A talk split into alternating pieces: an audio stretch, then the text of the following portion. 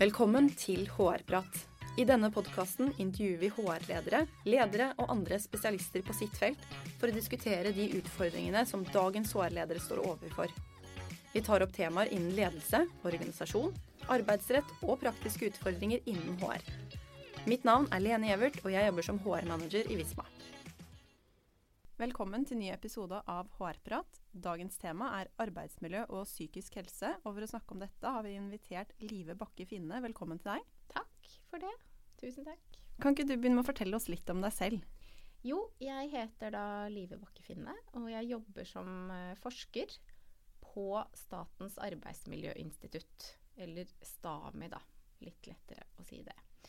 Eh, og jeg forsker da på det som vi kaller for psykososialt organisatorisk arbeidsmiljø. Og effekter av det på helse. Først og fremst psykisk helse. Mm. Ja, så er det Jeg har doktorgradsarbeidet mitt på det. Ja. Eh, en del tidligere forskning har avdekket hvordan arbeidsforhold kan gi helseplager, men nå har dere tatt en litt bredere tilnærming enn tidligere, og kanskje fått et litt mer helhetlig bilde. Eh, kan ikke du fortelle litt om hva dere har funnet ut? Jo, i den studien som du refererer til der, eh, så er det sånn at den tidligere forskningen, den har Det har vært mye forskning på dette her tidligere. Um, men den har stort sett sett på noen få faktorer i da det psykososiale arbeidsmiljøet. F.eks. sånn som arbeidsmengde og tidspress. Eh, men så er det jo sånn at eh, arbeidsmiljøet består av veldig mye mer enn det. Sånn at en av de tingene som vi har gjort i denne studien, det er å inkludere mange flere faktorer. Ja. ja. Sånn som f.eks. Eh, ledelsefaktorer. Eh, det som vi kaller for rolleavklaring. Mm. Eh, rollekonflikt, som er det å oppleve å motta motstridende krav i arbeidet sitt. Um, forutsigbarhet. Det å um, oppleve rykter om endring i organisasjonen. Ja. ja. Dette er bare et uh, lite utvalg Ja. Da, av det vi har sett på. For noen av de tingene pleier man vel ofte å se på sånn veldig isolert, når jeg prøver å tenke litt tilbake på hva jeg har lest, lest av forskning og litteratur. Ja, eh, og det har vi for så vidt gjort i denne studien også. Vi Mhm. har på en måte sett på én og én av disse faktorene okay. mot da psykiske plager eller symptomer på angst og depresjon. Og hvorfor akkurat Ja. angst og depresjon? Nei, det er jo fordi eh, Først og fremst fordi at det er en av de viktigste årsakene til sykefravær i Norge. En av de store diagnosegruppene bak sykefravær. Uh, så det er jo både en eh, eh, viktig i et samfunnsperspektiv, men også på virksomhetsnivå. Eh, og for den enkelte arbeidstaker, selvfølgelig. At vi da eh, forsker eh, og kan da eh, utvikle kunnskap på hvilke faktorer det er som er viktig å fokusere på for å da forebygge. Det er jo det vi aller helst vil. At, eh, at medarbeidere da ikke skal utvikle den type plager på bakgrunn av arbeidssituasjonen, da. Ja. Ja. Mm. Sånn at det er eh, en av de tingene som vi har gjort i den studien. Vi har sett på da, et bredt utvalg av denne type eh, psykososiale arbeidsmiljøfaktorer. Eh, og så i tillegg til at vi har sett på angst og depresjon, så har vi også sett på positive følelser. Altså Ja. om det er sånn at noen av disse faktorene har en sammenheng eller en effekt på positive følelser hos arbeidstakere. Ja. For det kan man tenke seg at kan ha noe å si for motivasjon og produktivitet og den Ja. type ting. Nettopp. Og tidligere i denne forskningen her så har man stort sett sett på mer disse negative konsekvensene som helseplager Ja. og sykefravær. Ja. Ja. Så her har vi prøvd å da se på begge deler. Og hva har dere da funnet ut? Det vi fant ut, eh, sånn i grove trekk, det var at eh, veldig mange av disse faktorene som vi så på, de har både sammenheng eller effekt på angst og depresjon. Altså de kan eh, påvirke da angst- og depresjonssymptomer. Eh, men også positive følelser. F.eks. da noe som vi kaller for støtte fra nærmeste leder. Ja. ja. Hvis man eh, rapporterer at man har god støtte fra nærmeste leder, så er det sånn at man rapporterer om mindre da psykiske plager og mer positive følelser. Ja. ja. Så det kan man jo kalle da en slags beskyttende faktor, da. Det å ha høy grad av støtte fra nærmeste Mm. leder. Ja. Ja. På den andre siden så kan man jo ta eh, en faktor som vi har funnet ut er veldig viktig, og det er det som vi kaller for rollekonflikt. Ja. Og det er kanskje ikke så kjent begrep for, for mange, det vet jeg ikke. Nei. Du kan gjerne for sikkerhets skyld forklare hva det er, tenker jeg. Ja. For du er vel litt sånn nøyere kanskje på Ja. definisjoner og sånn enn det jeg er, tenker jeg nå sånn. Det kan jo tenkes, Bare for å sette en forsker i bås. Ja. Eh, nei, altså eh, rollekonflikt det er da eh, sånn overordnet sett det å oppleve å, å stå overfor motstridende krav i arbeidet. Eh, og det kan f.eks. være det at to forskjellige ledere gir deg to ulike beskjeder. Altså de ber deg prioritere to ulike ting. Mm. Sånn at du Og du klarer ikke på en måte da å gjøre begge fornøyd. Ja, du må velge. Mm. Eh, det kan også være det å ha eh, ikke ha ressurser til å utføre oppgaver. Du har fått da tildelt oppgaver, men ikke de ressursene du trenger for å Ja. utføre det. Eh, eller det kan også være sånn type eh, jobb-hjem-konflikt. Eller jobb-familie-konflikt, Ja, da. så ikke sant? bare rollekonflikt på arbeidsplassen, Nei. men mot privatlivet. Altså Ja, generelt. også. Ja. Ja, ikke sant? Det er også en type rollekonflikt. Ja. Eh, sånn at, og da blir det litt sånn i sånne situasjoner at litt sånn uansett hva du velger, så blir det på en måte feil. For det vil alltid være da noen som blir misfornøyd, da kan du si. Ja. Så det å stå i det eh, over lang tid, eh, og i høy grad, Mm. det å oppleve det litt av og til, det gjør vi jo alle. Ja. Og det, det går fint. Mm. Men blir det mye av det, så ser vi at eh, det kan føre til både psykiske plager og til muskel-skjelettplager, som også er viktig for sykefravær. Yes. Ja, eh, og, og sykefravær og frafall og ja. Det er en sånn hel rekke da, type negative konsekvenser Ja. man kan få da i organisasjonen. Mm. Ja. Hva har vært de største overraskelsene ved funnene, eller kanskje noe av de viktigste funnene som kanskje lytterne bør kjenne til? Er det noen du burde trekke frem? Ja, eller altså kanskje en av de Det gjelder både denne studien og andre studier som vi har gjort på psykisk helse hos oss, da. Eh, Det er det at dette som vi kaller for kvantitative krav, men det er da rett og slett arbeidspress. Mhm. Altså det å ha mye å gjøre. Ehm, og, og det å ha tidspress. At man må gjøre det ja, uh, på kort tid, da.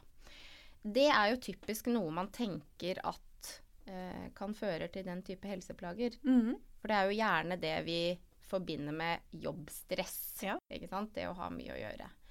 Men eh, i disse studiene her så var ikke det noe av de viktigste faktorene. Ok. Nei, det var ikke det som slo da mest ut da på psykiske plager. Sånn som f.eks. rollekonflikt så ut til å være mye viktigere. Så en ansatt kan eh, typisk da tåle fint å ha egentlig mange frister og ha egentlig ganske høyt arbeidspress, så lenge man kanskje har støtt fra nærmeste leder og ikke opplever rollekonflikt. For eksempel, ikke Ja. sant? Fordi disse tingene her, de henger jo selvfølgelig sammen. Mm. Eh, og nå har vi jo sett på disse faktorene hver for seg og isolert. Men som du sier, da, i en arbeidshverdag så vil man jo oppleve disse tingene samtidig. Ja. Sånn at, men i seg selv så er det ikke nødvendigvis sånn at det å ha mye å gjøre trenger å være negativt. Mm. Eh, det kan også være positivt, fordi man føler at man er viktig, f.eks. At man har mange interessante Mm. oppgaver. Så ja. Men vi mener ikke å si at man nå bare kan kjøre på og ha 80 timers arbeidsuker.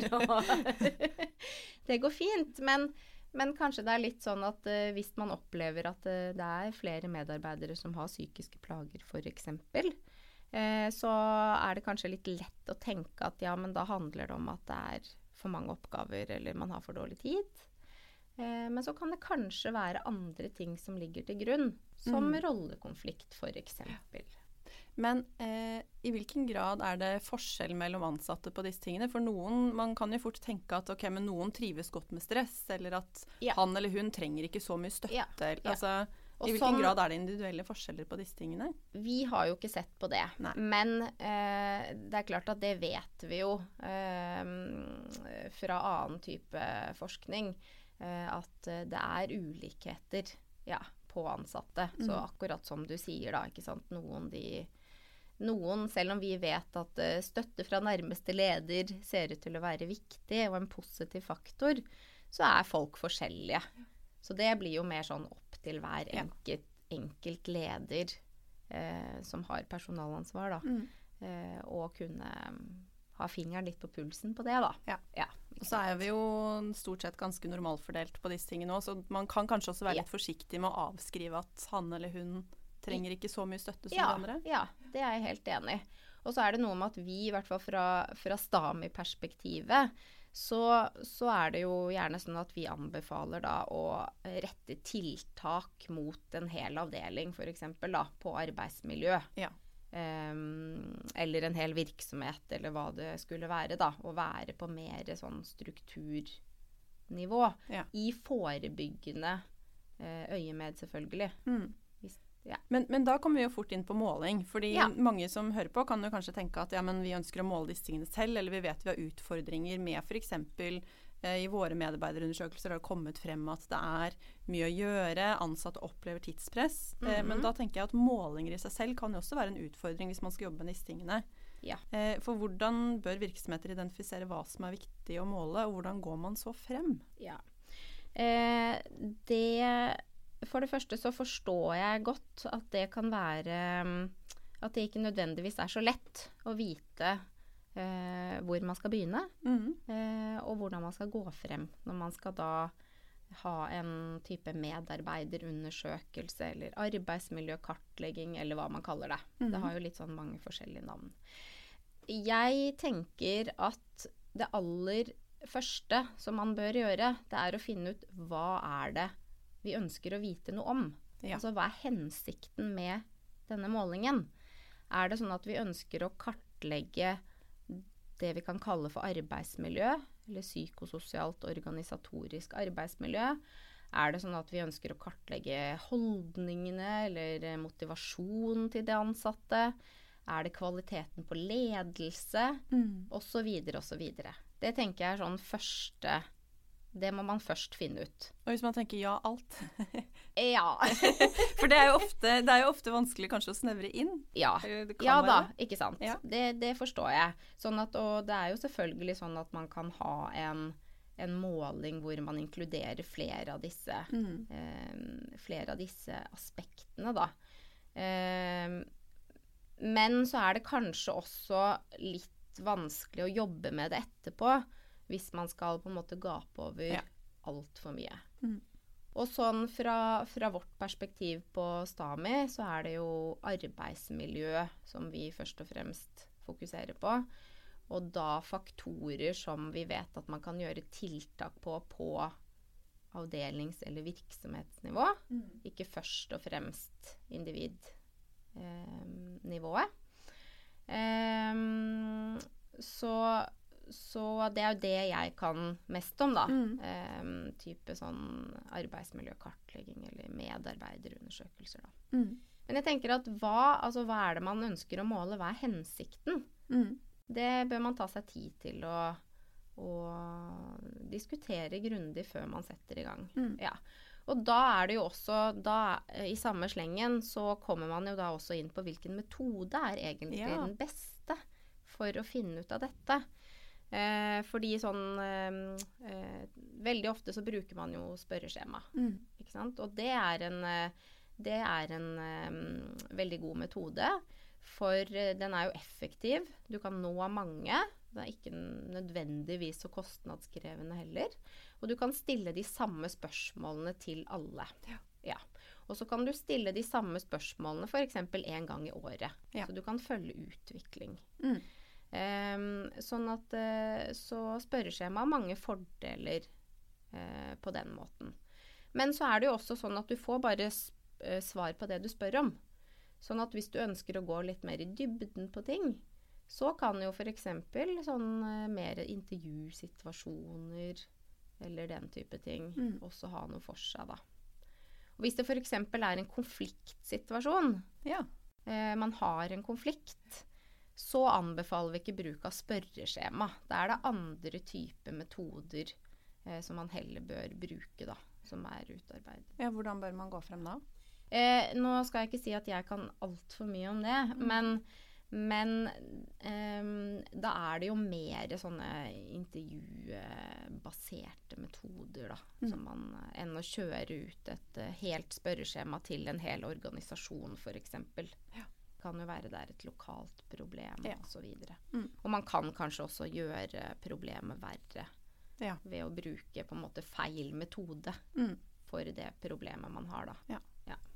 Men, men hvis man nå har kjørt en sånn vanlig kartlegging, eller man har Ja. først blitt enige om eh, hva er det vi ønsker å, å finne ut av, hva er det vi ønsker å jobbe med, og så mm. kjører man en, en type undersøkelse, hvordan eh, bør man så gå frem for å identifisere eh, tiltak? Altså Ja. hvilket nivå skal det ligge? Hvordan skal vi sikre at de faktisk har den effekten på de områdene vi, vi har ønsket? Ja. Ehm, hvis jeg kan bare si to, et par ord til Ja. om, disse, om disse målingene først. eh, som jeg tenker også er da et viktig grunnlag for det å, å utvikle tiltak. Eh, fordi én ting er jo hva er hensikten man har funnet ut av det, og hva vil man måle. Eh, og som et eksempel, hvis man tenker at ok, vi skal måle da det som vi kaller for psykososialt arbeidsmiljø, da. Så tenker jeg at det neste man bør gjøre, er å finne ut eh, Innhente forskningsbasert kunnskap om hvilke faktorer i det psykososiale arbeidsmiljøet er det vi vet har sammenheng, har effekt på sånne ting som eh, psykisk helse, sykefravær, eh, motivasjon, trivsel og den type ting. Ja. Eh, fordi at det er gjort ganske mye god forskning på det etter hvert. Mm. Eh, og f.eks. på eh, Stami sine nettsider eh, så kan man finne mye god eh, og solid kunnskap om det. da. Mm. Så det er én måte å gå frem på. Um, og så er det også sånn da, at når man eh, skal ha et, eh, et, en måling eller et spørreskjema, så har, må man jo ha noen spørsmål Mm. inni det skjemaet. Og da eh, er det, eh, tenker jeg i hvert fall, det aller lureste er å velge det som vi kaller for validerte spørsmål. Ja. Altså spørsmål som er testet ut ved hjelp av vitenskapelige metoder av noen som, som eh, kan det. Mm. Ja. For det er ikke så veldig lett å få til på egen hånd. Eh, sånn at det er veldig, veldig forståelig at, eh, at uh, virksomhetene selv ikke nødvendigvis har den kompetansen som gjør at man kan formulere egne spørsmål, og så teste de ut. Ja. For å finne ut om de faktisk måler det man ønsker at de skal måle. Mm. Ja. Sånn at så langt det er mulig, bruke da allerede etablerte og validerte spørsmål Ja. som man kan finne. Det tror jeg er et veldig godt tips. Ja. Eh, det, fordi ellers så kan det være at man ender opp i en situasjon hvor man bruker spørsmål som man kanskje har formulert på egen hånd, eh, som ikke fanger opp det man ønsker å fange opp, og så har det kanskje ikke så mye nytteverdi da. Ja. Da er det kanskje vanskelig å utvikle tiltak også, Mm. som treffer. Ja. Sånn at det er også da viktig. Bra. Ja. Mm. Eh, og bare én ting til. At man også er, når man skal planlegge, at man eh, passer på at man har med seg alle. Altså det vil si både ledere, selvfølgelig, og også tillitsvalgte. At alle er enige om at dette er noe vi skal gjøre. Ja. For ja. Og hvorfor sier du det? Fordi at øh, jeg tenker at hvis man skal gjøre en kartlegging, øh, så er det viktig at man øh, er forberedt på at det kommer. Og for å, bl.a. for at det ikke skal bli en stor motstand mot kartleggingen. Mm. Eh, kanskje det er sånn at mange velger å ikke svare av forskjellige grunner. Ja. Ja. Eh, sånn at det å ha med alle partene på laget, da, Det tenker jeg er uh, lurt. Og da vil det igjen ha større nytteverdi i andre enden. Mm. Ja. Men kan du si noe om svarprosent? For jeg tenker Det er jo litt interessant i lys av det. For det er jo litt vanskelig å vite hvor mange bør man sikre. Altså, når, ja. når kan man si seg fornøyd? Ja, og det er selvfølgelig et, også et veldig vanskelig spørsmål. uten et sånt helt uh, fasitsvar. Men uh, man kan jo kanskje si da at hvis man har en sånn 60-70 så kan man jo begynne å si Altså da begynner du å representere den gruppen som man ønsker å si noe om, da. Mm. Ikke sant? Da er man langt under 50 f.eks. Um, så da Man kan jo fortsatt si noe om de som har svart, men man vet jo ingenting om de som ikke har mm. svart. Mm. Ja. Så man kan jo risikere f.eks. at det bare er de som er fornøyd, som svarer. Mm. Eller bare de som er misfornøyd, som svarer. Ja. Men kommer man opp i sånn 60-70% da, uten at det er noe fasitsvar heller, så kan man jo begynne å ja. Begynne å bruke resultat. Si, eller altså i hvert fall si at det representerer mer eh, denne avdelingen eller denne virksomheten eller eh, Ja. Som en tommelfingerregel, ja. da, kan man si. Mm. Ja. Mm. Så da, når, uh, så da er man enig, hvis man er enig om at man skal gjøre det. Mm. Uh, det tenker jeg at det bør man uh, være. Um, så bør man også planlegge før man går i gang, hvordan resultatene skal brukes. Ja. Sånn at ikke resultatene bare havner i en skuff. Ja, for da, det er vel, holdt på å si, da er det vel bedre å droppe det helt? Nesten. Ja, mm. egentlig. Det vil jeg si. Mm. Og da er det gjerne sånn at da, da, er det ikke nødvendigvis sånn at folk er så motivert til å svare heller, hvis Nei. de aldri får noe tilbake. Ja. Mm. Så det å planlegge det på forhånd, eh, hvordan resultatene skal kommuniseres, hvordan man skal jobbe med det, mm. tiltaksplaner osv. Ja. ja. Mm. Men så, hvis vi skal da se på å identifisere tiltak ja. eh, og sikre at de faktisk har en effekt, ja. eh, har du noen tips eller råd til hvordan man bør gå frem da? Altså hvis man bruker Hvis man har kjørt en kartlegging, da. Hvis man har det som utgangspunkt eh, og ønsker å utvikle tiltak basert på det, mm -hmm. Så er det jo igjen viktig at man har da gode spørsmål i kartleggingen. Fordi hvis man ikke har det, hvis man f.eks. har spurt spørsmål som eh, Opplever du mye jobbstress? Eller eh, er du tilfreds? Mm. Sånne type ting. Um, så er det veldig vanskelig å utvikle tiltak basert på det. Ja. For da får man kanskje vite at ok, her er det 60% som opplever det vi kan kalle for jobbstress, men man aner ikke hvorfor. Mm. Ikke da kan det være rollekonflikt som ligger bak. Det kan være at man har liten grad av selvbestemmelse i jobben. Det kan være lite grad av støtte fra leder. Det kan være alt mellom himmel og jord. Mm. Så hvis man har konkrete, spesifikke faktorer man inkluderer, eh, som vi vet har dokumentert effekt, så er det også mye lettere å utvikle tiltak ja. I neste omgang. Ja. Eh, og hvis man da har gjort en kartlegging, eh, så kan man bruke det som et utgangspunkt og da eh, bør man jo, så langt det er mulig, eh, både da rapportere resultatene på da avdelingsnivå eller enhetsnivå, eller hva man skal kalle det, mm. i tillegg til virksomhetsnivå. Så lenge det ikke er så få som har svart, at det plutselig blir et anonymitets... Hva, hvor mange snakker vi om da? Eh, vi kan si at eh, rundt ti, da. Ja. Ja, men her er det også ingens fasitsvar. men sånn som når vi, vi kjører jo sånne kartlegginger for å samle inn data til forskningen vår. Um, og vi leverer aldri ut rapporter hvis det er mindre enn seks som har svart. Nei. Og når det bare er seks, så får de på en måte litt sånn mer overordnede. Er det ti og over, så får de mer ja. eh, Da bryter vi det mer ned, da. Okay. Ja. Mm. Mm. Eh, sånn, og da, eh, hvis man da har eh, disse resultatene og på en måte lager en liten rapport, f.eks. en oversikt over da eh, de forskjellige scorene som man har, eh, tallene, gjennomsnittsverdier eller frekvenser eller hva det måtte være, så eh, tenker jeg at det som kan være lurt, er å da sette seg ned en avdeling f.eks. og gå gjennom og gjøre det i fellesskap. Mm. Ledere og medarbeidere. Og um, finne ut hva er det som kan ligge bak disse resultatene? Si at man finner ut at uh, her er det mye rollekonflikt i denne avdelingen. Mm. Det er, uh, si det er uh, over 50% som rapporterer om det. Så får man jo bare en tallverdi, ikke sant. Si Mm. det er en snittverdi på 4,5, da, som er høyt, ikke sant. Men da gjelder det å identifisere de konkrete situasjonene som ligger bak. Mm. Hvorfor opplever vi det her hos oss? Eh, fordi det kan være helt forskjellig fra vår avdeling til avdelingen som sitter over gangen. Mm.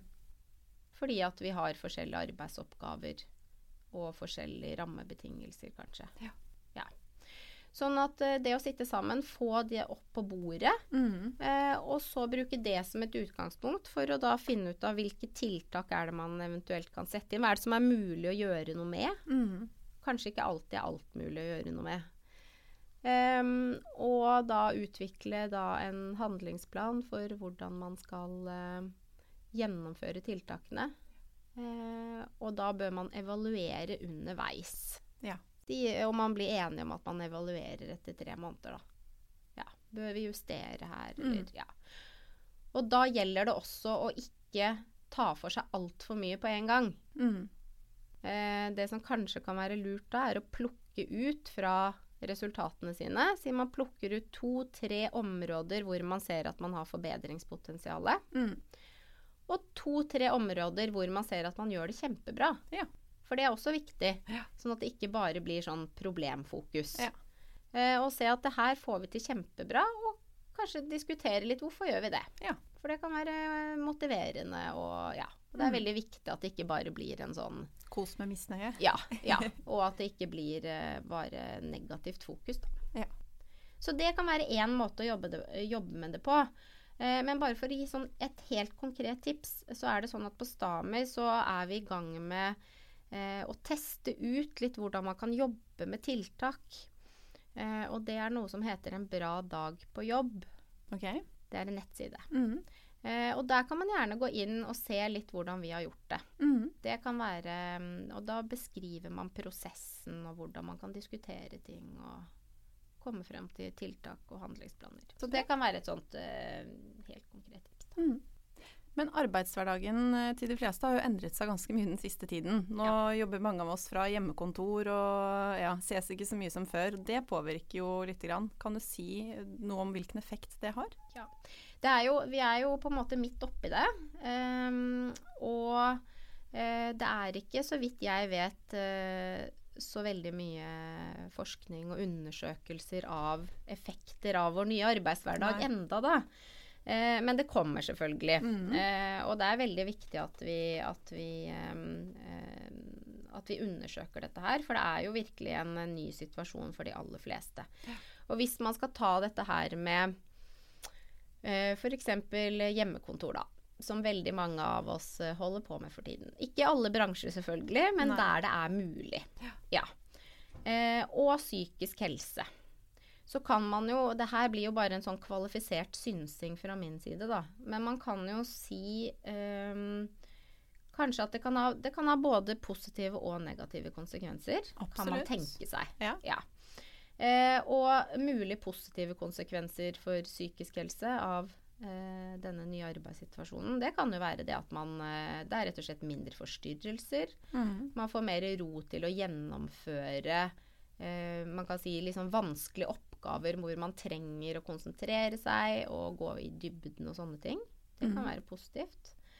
Ehm, det kan jo være bra. Altså, det er jo noen som sier man har eh, en viss grad av sosial angst, eller man er veldig introvert, eller sånne mm. type ting, da. Eh, så kan det jo være at man eh, syns det kan være en litt sånn befrielse Ja. å være på hjemmekontor. Mm. Og ikke måtte ha altfor mye sosial interaksjon.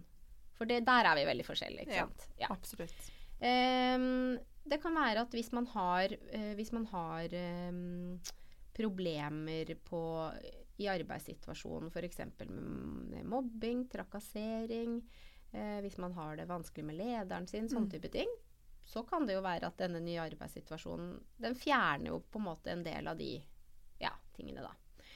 Eh, eller det her at man rett og slett får Man kan oppleve at det er større grad av fleksibilitet. Det er ikke like mye stress og styr hvis man skal sant, Barn skal hit og dit på morgenen. Altså man har bedre tid, da. Mm. Ja. Eh, sånn at, eh, så det kan også tenkes å være en positiv effekt. Um, men så kan det også selvfølgelig være mange, eh, en del negative konsekvenser, da. Mm. F.eks. dette her med sosial isolasjon. Ja. Ikke sant? Uh, for de fleste av oss så er det jo sånn Eller alle trenger jo en viss grad av interaksjon med andre. Mm. Um, sånn at så når dette her vedvarer over tid, eh, og hvis man bare er på hjemmekontor f.eks., så er det nok mange som kan kjenne på det. Og det kan jo ha ganske Altså man vet jo fra, fra annen type forskning at isolasjon det kan ha ganske, ganske negative effekter på Ja. vår psykiske helse. Da. Sånn at det er det jo noen som kan kjenne på. Ja. Kanskje spesielt de som bor alene. Det er jo en god del, det. Absolutt. Ja. Men de som hører på nå, som tenker sånn at de kjenner på den bekymringen som i hvert fall jeg Ja. kjenner på i forhold til Mhm. mange ansatte, har Ja. du noen tips eller råd til hva kan man gjøre? den, altså Vi vet jo ikke hvor lenge dette her vil vare, men Nei. hva kan man gjøre for å i hvert fall sikre eh, holdt på å si i hvert fall en god arbeidshverdag og at eh, ja. Jeg tenker jo, ikke sant, Dette her stiller jo litt nye krav til, eh, til ledere, da. Ja. Eh, og spesielt de lederne som har personalansvar, eller som Mm. har daglig kontakt med ansatte. Sånn at jeg tenker at det er jo viktig at man ikke, selv om man ikke ser hverandre, at man ikke glemmer det.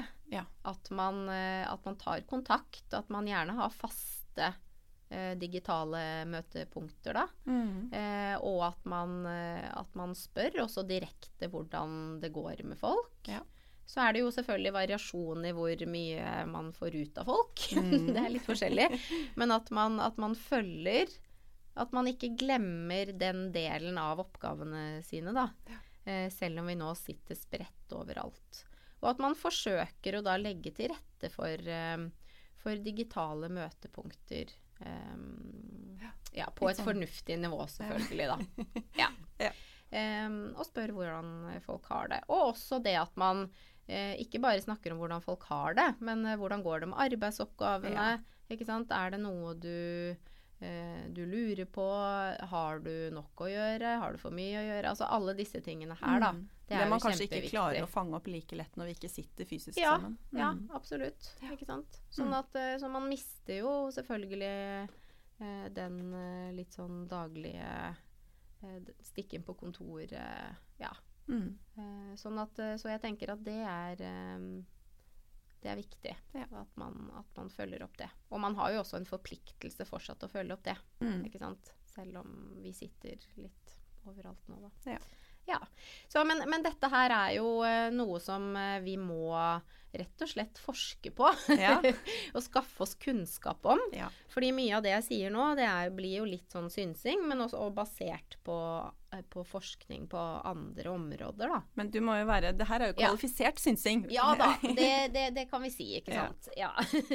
Men før vi runder av, eh, hvilke tre råd har du til HR-ledere som hører på for å skape et godt psykososialt arbeidsmiljø? Korona, hjemmekontor eller ei? Ja. Jeg vil si sånn helt generelt. Eh, det første, det er at man bør diskutere og finne ut av eh, hva er psykososialt arbeidsmiljø, Mm. først og fremst. Fordi at eh, når jeg snakker med folk ute både i virksomheter og rundt omkring, så er det nok mange Det er et abstrakt begrep for mange.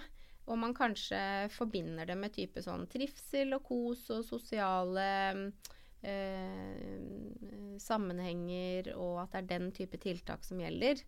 Men så vet vi også at sånn som rollekonflikt og, og selvbestemmelse i jobben osv. Så videre, også er sånne ting som er veldig viktig. Mm. Så jeg tenker at begrepsavklaring, det høres veldig forskeraktig ut, men det er kjempeviktig Mm. eh, før man går i gang med kartlegginger, eller hva det måtte være, da.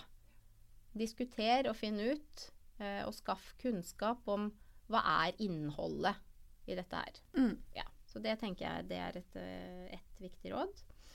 Eh, og så eh, tenker jeg også innhent forskningsbasert kunnskap om hvilke faktorer i psykososialt arbeidsmiljø som vi vet har effekt på helseplager, sykefravær, motivasjon, produktivitet, den type ting. For det Mm. fins masse god kunnskap og forskning om det. Eh, F.eks. gjennom STAMI. Det er andre gode kilder også, selvfølgelig. Men STAMI er et sted hvor man kan innhente den type kunnskap. Mm. Sånn at man da eh, kartlegger eh, og i sin egen organisasjon da, den type faktorer som vi vet har betydning. Ja. Så man ikke bruker tid på ting som kanskje ikke eh, har så stor effekt. Da. Mm. Og så det siste, det er rett og slett dette her hvis man skal gå i gang med måling, eh, kartlegging av eh, noe slag, så så langt det er mulig, inkluder faktorer som vi vet har effekt. Mm. Eh, og bruk da sånne validerte spørsmål, som vi kaller det. Så langt det er mulig. Tusen takk for gode råd, og tusen takk for at du kom. Tusen takk for praten, og for at jeg ble invitert. Og til deg som hører på, vi prates. Hvis du har temaer eller spørsmål du ønsker vi skal diskutere, send oss gjerne en mail på hrprat.visma.com. Og for flere episoder, sjekk ut visma.no slash podkast slash hrprat.